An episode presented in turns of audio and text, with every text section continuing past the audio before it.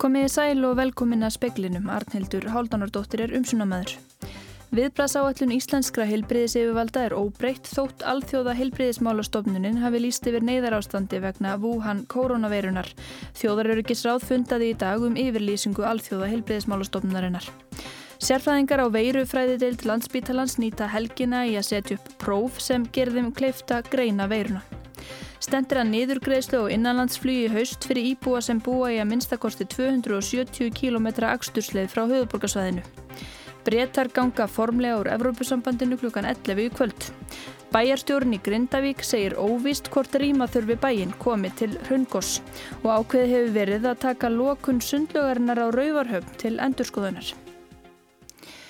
Sóttvarnalæknir segir yfirlýsingu alþjóða heilbriðismálastofnunarinnar um neyðar ástand á heimsvísu vegna Wuhan koronaveirunar ekki breyta neinu um viðbras áallun íslenskra heilbriðiseyfivalda en sem komið er hefur engin Íslandingur grens með veruna. Þjóðaröryggisráð fundaði í dag um yfirlýsingu alþjóða heilbriðismálastofnunarinnar.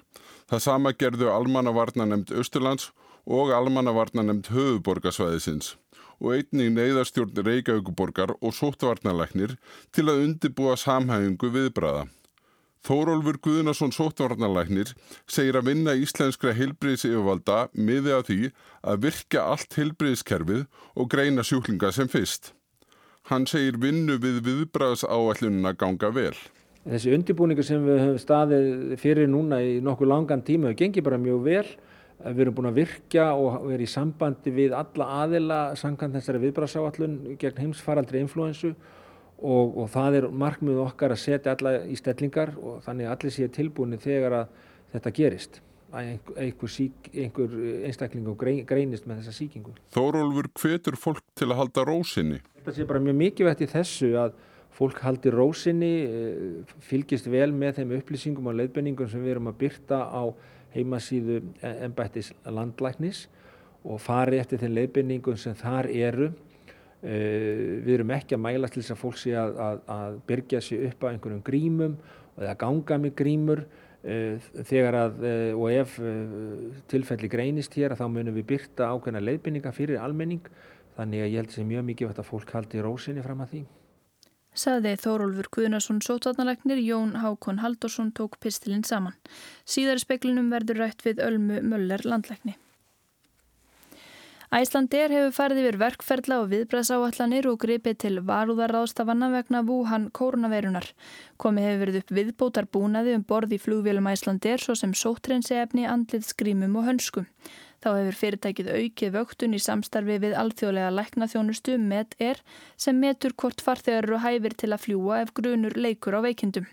Bóji Níls Bógarsson, forstjóri Æslandi-ER, segir að fyrirtækið sé reglulegum samskiptum við sótvarnalækni og landlæknisembættið þó fylgi leiðbenningum þeirra. Við náttúrulega fylgjumst mjög vel með hvað er að gerast og erum í miklu og góðu sambandi við landlækni og alþjóðlegt fyrirtæki á þessu sviði þannig að við erum að auka upplýsingagjöf til okkar starfsmanna og farþega og, og erum við vakta, vakta stöðuna, það er það sem við erum að fást við núna. Það er ekki komið viðbúðunar áallun í gang en ákveðni ferlar hafi verið settir, settir í gang eins og segja aukin upplýsingagjöf og ákveðin búnað sem er komin í vélarnar og þess aftar ef, ef að grunur kemur upp um smitt. Og hvernig verður bröðist til því? Ef að grunur kemur upp um smitt þá er ákveðin hlýðarbúnaður um borði í vélunum sem verður þá notaður segir bóji Níls Bóðarsson Alma Ómarsdóttir talaði við hann. Niðurgreðslur og innanlandsflugi fyrir íbúa landsbyðarinnar til Reykjavíkur hefjast að óbrettu í haust. Samkvæmt stjórnarsáttmála ríkistjórnarinnar er stemt að því að gera innanlandsflug að hagkvamari kosti. Verður er útfærið þetta og er hort til þeirra leiðar sem farin var í Skotlandi. Tilstóða hefja niðurgreðslur í upphafi árs. Það hefur tekið lengri tíma að útfæra verkið og þess vegna er fyrirhugað að, að hún hefjist í höst vonandi í september. Segir Sigur Ingi Jóhansson samgöngur á þeirra. Niðugreislan er til þeirra sem búa í að minnstakosti 270 km axtursleið frá höfuborgarsvæðinu og er hverferð tengt viðkomandi farþega sem ferðast í enga erindum. Það er fyrirhugað að það verði þannig að það verði, verði einferð á þá þessu ári Eh, og að, að hérna vendarlega þrjár sem verði þá árunnu 21 fram og tilbaka, að segja sex leggir en útfæslan er í vinslu þá starfsóp sem aðkoma allir aðilar, þar segja bæði flugfélagin og aðrir vegna þess að þetta er svona kerfi þar sem allir þurfa að taka þátt. Þetta var Sigurður Ingi Jóhansson, Haukur Holmstæði frá. Draugað viðbræðs og rýmingar áallun fyrir Grindavík ef kæmi til eldgós eru næstum tilbúin. Stjórnendur í Grindavík, lauruglustjórn og Suðunesjum, fulltrúar almannavarna, landsbjergar og björgunasveitarnar Þorbjarnar fór yfir málið á fundi eftir hátegi. Fannar Jónasson, bæjarstjóri Grindavíkur bæjar, segir að loka draugin fyrir viðbræðsaðila verði tilbúin eftir helgi. Það þarf eiginlega að snýða hverja rýmingar áallun og viðbröð að hverju, hverju einustu fastegn og það eru fórstuðumenn á hverjum stað sem að bera ábyrða því verði hraungós, lítið hraungós eins og talað er um ef þá verður gós þarf þá að flytja alla úr bænum? Nei, það er alveg óvist að þurfi yfirleitt að flytja einhver úr bænum, ég eftir þó að lítið gós er því hérna fyrir norðan okkur. Og Þorbjörn og Láafell sem líku, það, þau líkja saman að það, það mun verja bæin fyrir eh, hugsanlega hraunflóði úr norðri og þó að það kemur raun einhver staðar að bænum sem geti tekið einhverja daga að þá þurfti ekki nema að rýma nema kannski hlutabæjarins þannig að það eru svo margar leiðir hugsanlegar í þessu mm. og við erum að reyna að stilla upp öllum sviðsmyndum sem við getum nota til að bregðast við þegar og ef að þessu kemur. Saði Fannar Jónasson í viðtali við Þórtísi Arlútsdóttur. Artgrímur Brynjólfsson, skipstjóri tógarans hænaste, játaði í dag fyrir dómi að hafa verið að ólöglegum veiðum undan ströndum Namibíu. Dómur yfir honum verður hveðin upp á miðugudag. Hænaste var kyrsettur af namibískum stjórnvöldum. Artgrímur var handtekinn þann 20. november sagaður um að hafa verið við veiðar á rikningarsvæði undan ströndum Namibíu. Artgrímur saði í yfirlýsingu daginn eftir að ásakanirnar komið fram að þeir hafi komið honum á óvart en umrætt ferð átt að verða hans síðasta á 34 ára skipstjóraferli. Sprengja úr El Grillo sem var til sínis á byggðarsafninu Görðum og Akranesi í 40 ár, gæti verið virk. Jón Heiðar, Heiðar Allansson, forstuðumöður Sapsins, segir að hann hefði mörgum sinnum handfjallað sprenguna. Hann segir að liðsmenn landhelgiskerslunar hafi sótt sprenguna í morgun. Jón segir að sérstaklega hafi erlendir gestir spáði í það hvort sprengjan gæti verið virk en þau á Sapninu hafi lítið leitt hugan að því. Þegar ég til dæmis var að sína hérna bara gestum á gangandi í Sapni þá tók maður oft þessu sprengju og var að handfjallana svo að e, þegar maður hugsa til þess nú í dag að þá svona hlýs mann svolítið hugur. Jón segir gestum hafi einni gefist kostur á því að snerta sprengjuna. Hann segir að landhelgiskeslan eigi eftir að opna næða gegnum lýsa til að kanna hvort hún sé virk. Þeir eru fljótir að sjá, sjá svona hvort hún sé virk eða ekki sko. Já. En uh, allavega þeir töldu að hún væri, væri virk. Þetta var Jón Heiðar Allansson rætt var við hann í síðdeisútarpinu. Sveitarstjóri Norðurþings vísar ásökunum íbú á rauvarhöfnum misskiptingu innan sveitarfélagsins á bug. Ákveði hefur verið að taka lokun sundlögarinnar á rauvarhöfn til endurskoðanar. Mikil óanæga er meðal íbúa rauvarhafnar með að ákveðið hafi verið að loka sundlöginni í bænum fram á vor í spartnaðarskinni. Íbúar hafa talað um misskiptingu innan Norðurþings. Kristján Þór Magnússon, sveitarstjóri, vísar því á bug. Sveitarstjórn Norðurþings og hverfisráð Rauvarhafnar hittust á fundi í gær. Við áttum bara einn besta fund og ætlum að vinna okkur fram úr uh, svona þessu málinn sem hafa, hafa haft hæst um uh, á næstu vikum. Á fundinum var ákveðið að lokun sundlegarinnar færi aftur fyrir fjölskyldur áð til að sjá hvort allar fossundur hennar standast. Kristján segir að það hefði verið hægt að kynna lokunina betur. Gaggrínt var að lokunin hefði verið ákveðin án samráðs við hverfisráð. Íngibjörg Hanna Sigurðardóttir, formaður hverfisráðs Rauvarhafnar, segir að fundurinn hafi verið mjög góður. Nú verði reynd að hafa samráð við hverfisráðin í stórum ákvörðunum og hún horfið til bjartari tíma. Að mínu mati eru hverfisráðin gríðarlega mikilvægi tæki til þess að heyra hérsláttin á hverjum stað og það hefur stundum ekki tekist nægilega vel hjá okkur. Kristján segist fagna öflugum hverfisráðum sem stuðlega skinsanlegum ákvörðunum í sveitarstjórn. Það, það hins vegar ekki að hverfisráðin fái allt í gegn sem þau óska. Þetta sagði Kristján Þór Magnússon, Úla Árdal talaði við hann.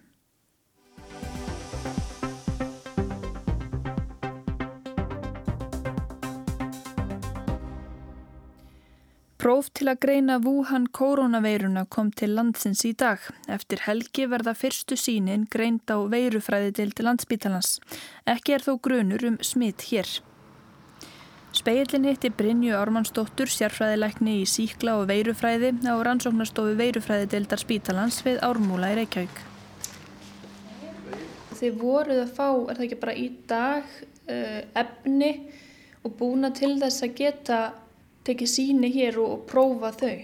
Já, nú erum við komið með þau kvarvefni sem þarf til að geta sett upp þetta kjartsýri mögnuna próf sem alþjóða helbriðismálastofninni mæli með og það er sem sagt bara próf þar sem er leitað erðaefni veirunar í sínum og þá munum við setja upp það próf um helgina þannig að þá getum við farið að prófa síni hér á landi. Og hvað felur það í sér að setja upp prófið?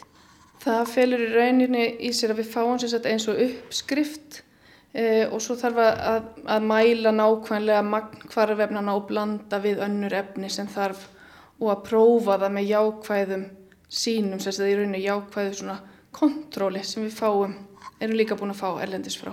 Og eru þið búin að fá beðinni um að greina einhver síni hér? Við höfum fengið fyrirspurnir en það hef ekki enþá komið síni sem hafa verið neitt líkleg eða frá neinum sem að uppfyllir þessi skilir þeim að hafa verið á þessum svæðum eða, já, eða í tengslum við neitt með þessa veiru. Þannig að það er ekki komin upp grunur um smitt hér? Nei, ekki á þessum tímapunkti. Nú er influensan, influensu tímabili líka hefjast. Þetta kann að bætast ofan á það.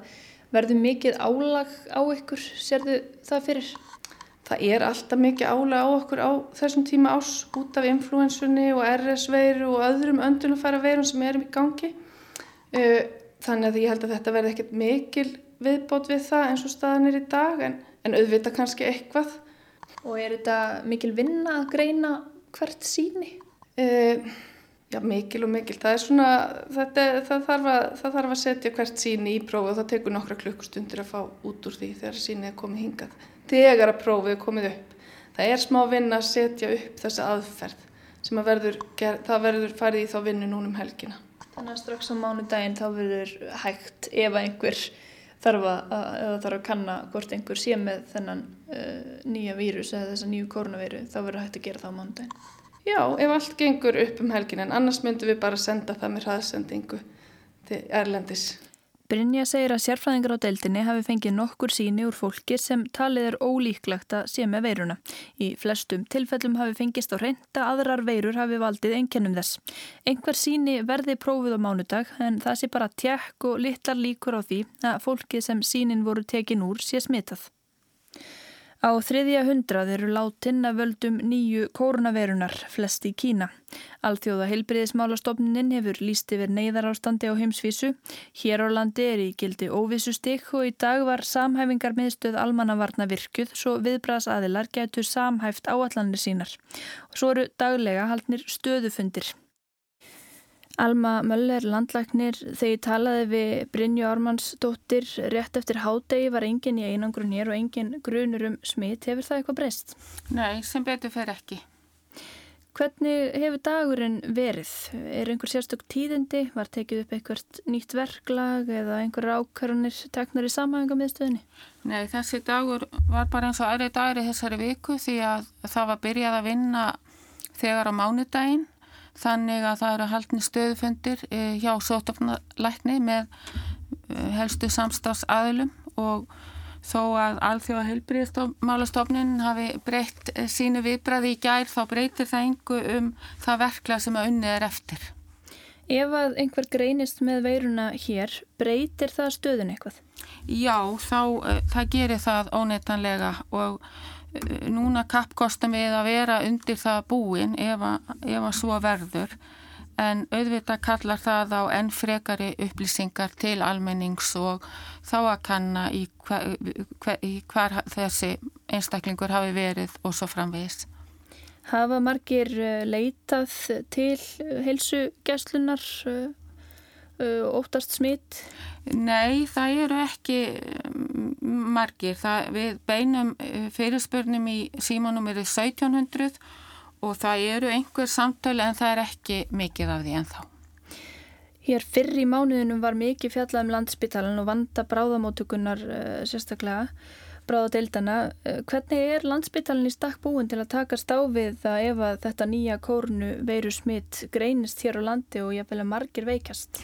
Já, það er alveg hárétt að við þekkjum veikleikana á landsbytalanum og við vitum auðvitað að það er ekki nógu góð aðstæða á bráðamótugunni til að taka við sjúklingum sem þurfa einangrunn Helst vil maður geta tekið á beintað utan inn á einangrunna herbyggi og það er ekki búið núna en það á hins vegar að bæta úr og fara í það núna að e, byggja við létta byggingu þar sem að verður hægt að útbúa tvö einangrunnar herbyggi og mér er sagt að þetta muni geta gæst á um tveim vikum. Já. Síðan eru þetta búið að skoða spítalan bara aðra þætti og þar eru fimm góð einangrunna herbyggi á smittsúkjumadeildinni og þau verða þetta notuð til að byrja með og, og ef að síðan þarf e, fleiri rými en svo þá verður öll deildin tekin undir. Og síðan þekkjum við líka e, aðstöðuna á gjörgjæslu deildinni og veitum hvað er hægt að gera þar. Þannig að það er verið að fara mjög vel yfir þessa þætti og það er ákveðin þekking og reynsla inn á spítalanum. Það var farið í mjög mikla undirbúningsvinni 2007 þegar SARS var og það er svolítið byggt á þeim áallunum núna. Síðan fegstu þetta mikil reynsla í svínaflensu faraldrinum og síðan aftur þegar ebólu faraldrinum var yfirvóðandi. Þannig að það er mikið e, þekkt og, og við vitum hvað þarf að gera og eitt af því til dæmis sem er verið að skoða það er að ef að uh, ála verður mikið vegna þessa sí, síkingar að þá er ráðunittið, heilbyrðisráðunittið búið að skoða hver við getum fundið þeim 40 sjúklingum sem er á hverjum tíma inn á landsbytala en hafa lokið þar meðferð hvar þeir myndi geta vistast til bráðabyrða. Ja. Þannig að þú heyrir að það eru allir að vinna saman sem einn um maður. Já. En er til nóg af eh, sóttvarnabúnað og líðarklæðnaði? Já, það er auðvitað búið að fara yfir það. Það er heilmikið til, sóttvarnarlæknir heldur samkvæmt lögum uh, byrðalagur og þar er landsbyttalinn að bara fara yfir sitt og eitthvað ætlaði að panta meira grímum og, og, og búningum og hanskum og slikt en það er heilmikið til. Já. Og það er líka verið að fara auðvitað yfir livjalagur til dæmis eins og í svínaflensu faraldrinum þá Eh, komu 170 sjúklingar á spítalan og 16 á gjörgjastlu á stuttum tíma þannig að þá voru útbúinir listar yfir hvað þyrfti til að meðhandla mikið veika sjúklinga. En hvað er bara búnað en nú eru fá gjörgjastlu plási í landinu eh, þeir sem að verða mjög alvarlega veikir af völdum þessari veiru þeir þurfa á öndunum vel að halda er nóg af þeim? Það eru til ansi margar, það eru til uh, 26 öndunavélar á spítalanum og síðan eru öndunavélar í sjúkrabílum þannig að það eru ymsa bjargir til uh, þegar svínaflensna gekk þá þurfti sjúklingar meðferð í, í hjart og lúnavél uh, tveir og það eru væri hægt að meðhandla þrjá, fjóra, fimm jável með slíkri meðferð. En auðvitað um, snýst þetta kannski fyrst og síðast um starfsfólk og og auðvitað er þið fólk fært til og það er algjörlega ljóst að ef af svona faraldri er því að þá myndir náttúrulega spítalinn ekki geta synt þessum hefbundnu hlutverkum eins og skurðargerðum sem búið er að, að skipilegja fyrirfram þannig að það er þetta raskun á öllu slíku. En þið eru svona nokkur ólega eins og er?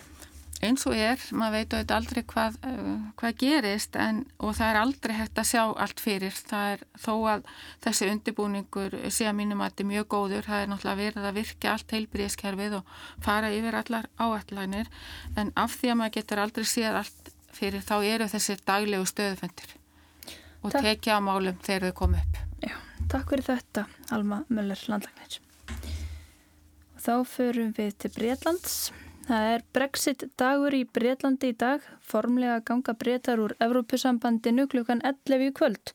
Þessi áfangi hefur verið þrautar ganga í tæp fjögur ár, deilt um aðildin að Evrópusambandinu sem hefur staðið í tæpa hálfa öll síðan 1973. Sigrún Davísdóttir, fréttamaður okkar í, í Breitlandi, er á línunni. Hvernig er andin í Breitlandi í dag, Sigrún? Það fyrir svolítið eftir því hvað fólk, eh, fólki finnst um þessa stund.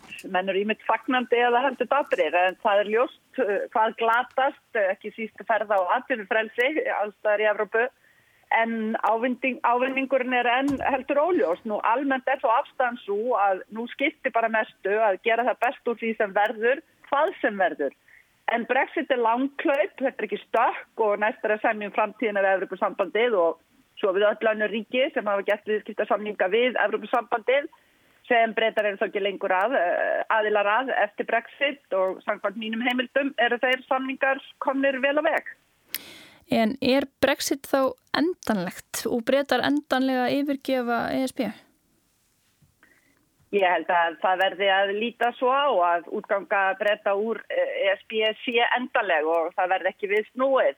Ég rætti stundli gerðkvöldi við David Littington, fyrirvændi Evrópuráþar að breyta. Hann er ESB sinni og ég spurði hann hvort hann kjaldi, líkt og sumir ESB sinnar, að breyta sér að þess að taka sér frí frá eh, Evrópusambandinu áður en þeir gerist aðilar í annað sinn. I, know, I think it's long. I don't think. I don't think that. Um, the, there will be any question of the UK rejoining the EU as it currently exists. Um, not least because um, you, know, you, you would be seeking to join under the Article 49 provision. So you would not have the budget rebate. There would be the expectation of one day joining the euro. You're all the question about Schengen again. I, I, I just don't see that happening. Nei, Littington er ekki trúar á það, ekki síst að því að ef Breitland gengir nú aftur í ESB þá væri það á öðrum fórsöndun, þá væri án afsláttarins á fjárframlægi sínu til ESB og án undatekningana sem Breitar hafa haft til dæmis frá Evru aðild og frá Schengen. Það hildi þá semjum það allt aftur og Littington er ekki trúar á aðild Breitað ESB eins og það er núna. Það er reyndar áhugavert að hann nefndi að í framtíðinni verði ESB kannski ekki í sama einsleita heildin og nú er heldur samband eh, ólíkra hópa. Svona svolítið eins og var rekt á tíundaratögnum þegar Maastricht hjáttmálinn var í uppstiklingu og, og, og mikla deilur um það. En hvort það verður þróun ESB í raun er þetta annar mál. Hvað stendur svo til í kvöld? Er einhver hátíðahöld eða samkomur? Það eru nú ekki skipulaðar stórsamkomur en það eru margar krár sem að eh, reyna að lokka til sín fólk eins og alla aðra daga en, og menn koma svona saman mín sem hætti. Ég spurði Európaráð þegar hann fyrirverandi einmitt hvernig hann ætlaði að halda upp á daginn. I shall probably play some music. So either, I haven't decided whether Bach, Beethoven or Mahler, but it's a reminder that we are leaving the European Union but we're not leaving Europe. That, that uh, you know, the geography and history aren't going to change. Littington allar að eh, spila tónlist hjaltan, kannski Bach, Beethoven eða Mahler svona til að minna á að brettar er að yfirgefa Evrópusambandið, ekki yfirgefa Evrópu og útgangan breytir hvorki landafræðinin í sögunni. Það hefur verið vinsalt umræðarni undanfarið að spá í hvaða lag, fangi Brexit nú best, held að það sé kannski engar klárar niðurstöður í þeirri umræðun og ESB-sinnar kjósa vandarlega Evrópusöngin byggðan á ónum til gleðinar og nýjendur symfóníu Beethovens sem frá að með klukkan 11 í kvöld verður ekki lengur söngur 28 landa, heldur 27. Einmitt það, takk fyrir þetta, segir hún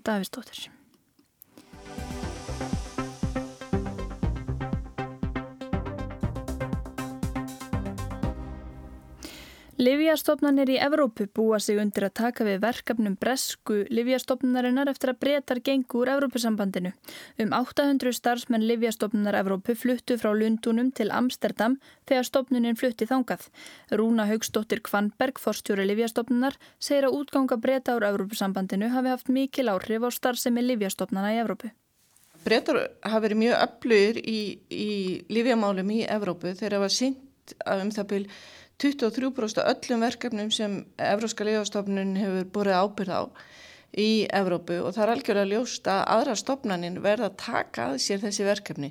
Auðvitað munu stóru stopnaninnar eins og Þíska, stofnanar í Þískalandi, Fraklandi og, og Svíþjóð taka mikið af þessum verkefnum en það er líka ætlast til að litlar stofnanir eins og við e, tökum við sérhæðum verkefnum eða verkefnum í samstarfi annað og við erum búin að vera í tveggja ára svo kallum undirbúningsfasa fyrir það, það sem að starfsfólki okkar hefur verið í þjálfun uh, til þess að við getum tekið við, við verkefnum sem breytanir hafa sendt.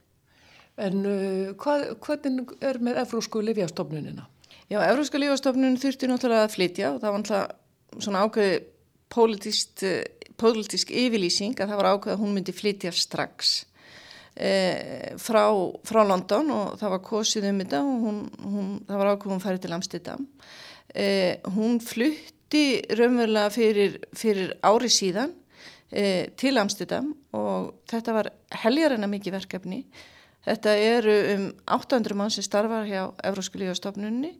Þetta eru sjálfsög ekkit brettar sko nema litlu hluta til en allt þetta fólk bjó í Breitlandi það þurft að flytja þau komaði fyrir e, við erum búin að það er, það er flutningu nummið tvö núna í Amsterdam nú erum við komin í bygginguna þar sem við eigum að vera. Við vorum í tímabundin byggingu þetta hefur, þetta hefur tekið svona nokkuð tíma og það þarf að koma starfsfólkinu og það þarf að tryggja að verði ekki róf og starfseminni og, og slíkt. Og starfsfólki þarf að náttúrulega Eh, er með tengsl, er með börn, þarf að koma því í skóla og allt slíkt svo þetta, þetta, þetta var heljarinnar handlegur. Er Holland þá að verða svona einhvers konar miðstöð uh, uh, í þessum uh, livjamálum og taka við af breytum, voru þeir það? Já, breytar hafa verið mjög umfámsmiklir í sambandi við, við liv og livjathróun. Ég veit ekki alveg nákvæmlega hvort hollendingar taka við því sem slíku og, og breyta verðan líklegast alltaf mjög framalega í öllu vístastarfi sem snýr að livjum. En það skiptir hollendinga mjög miklu máli að hafa fengið lífastofnununa því að auðvitað fylgir þessu sér, sérþekking, þetta, þetta fylgja þessu afleitt störf og, og fleira. Hvað voru breytar með eh, stóran hluta og hvernig breytist það?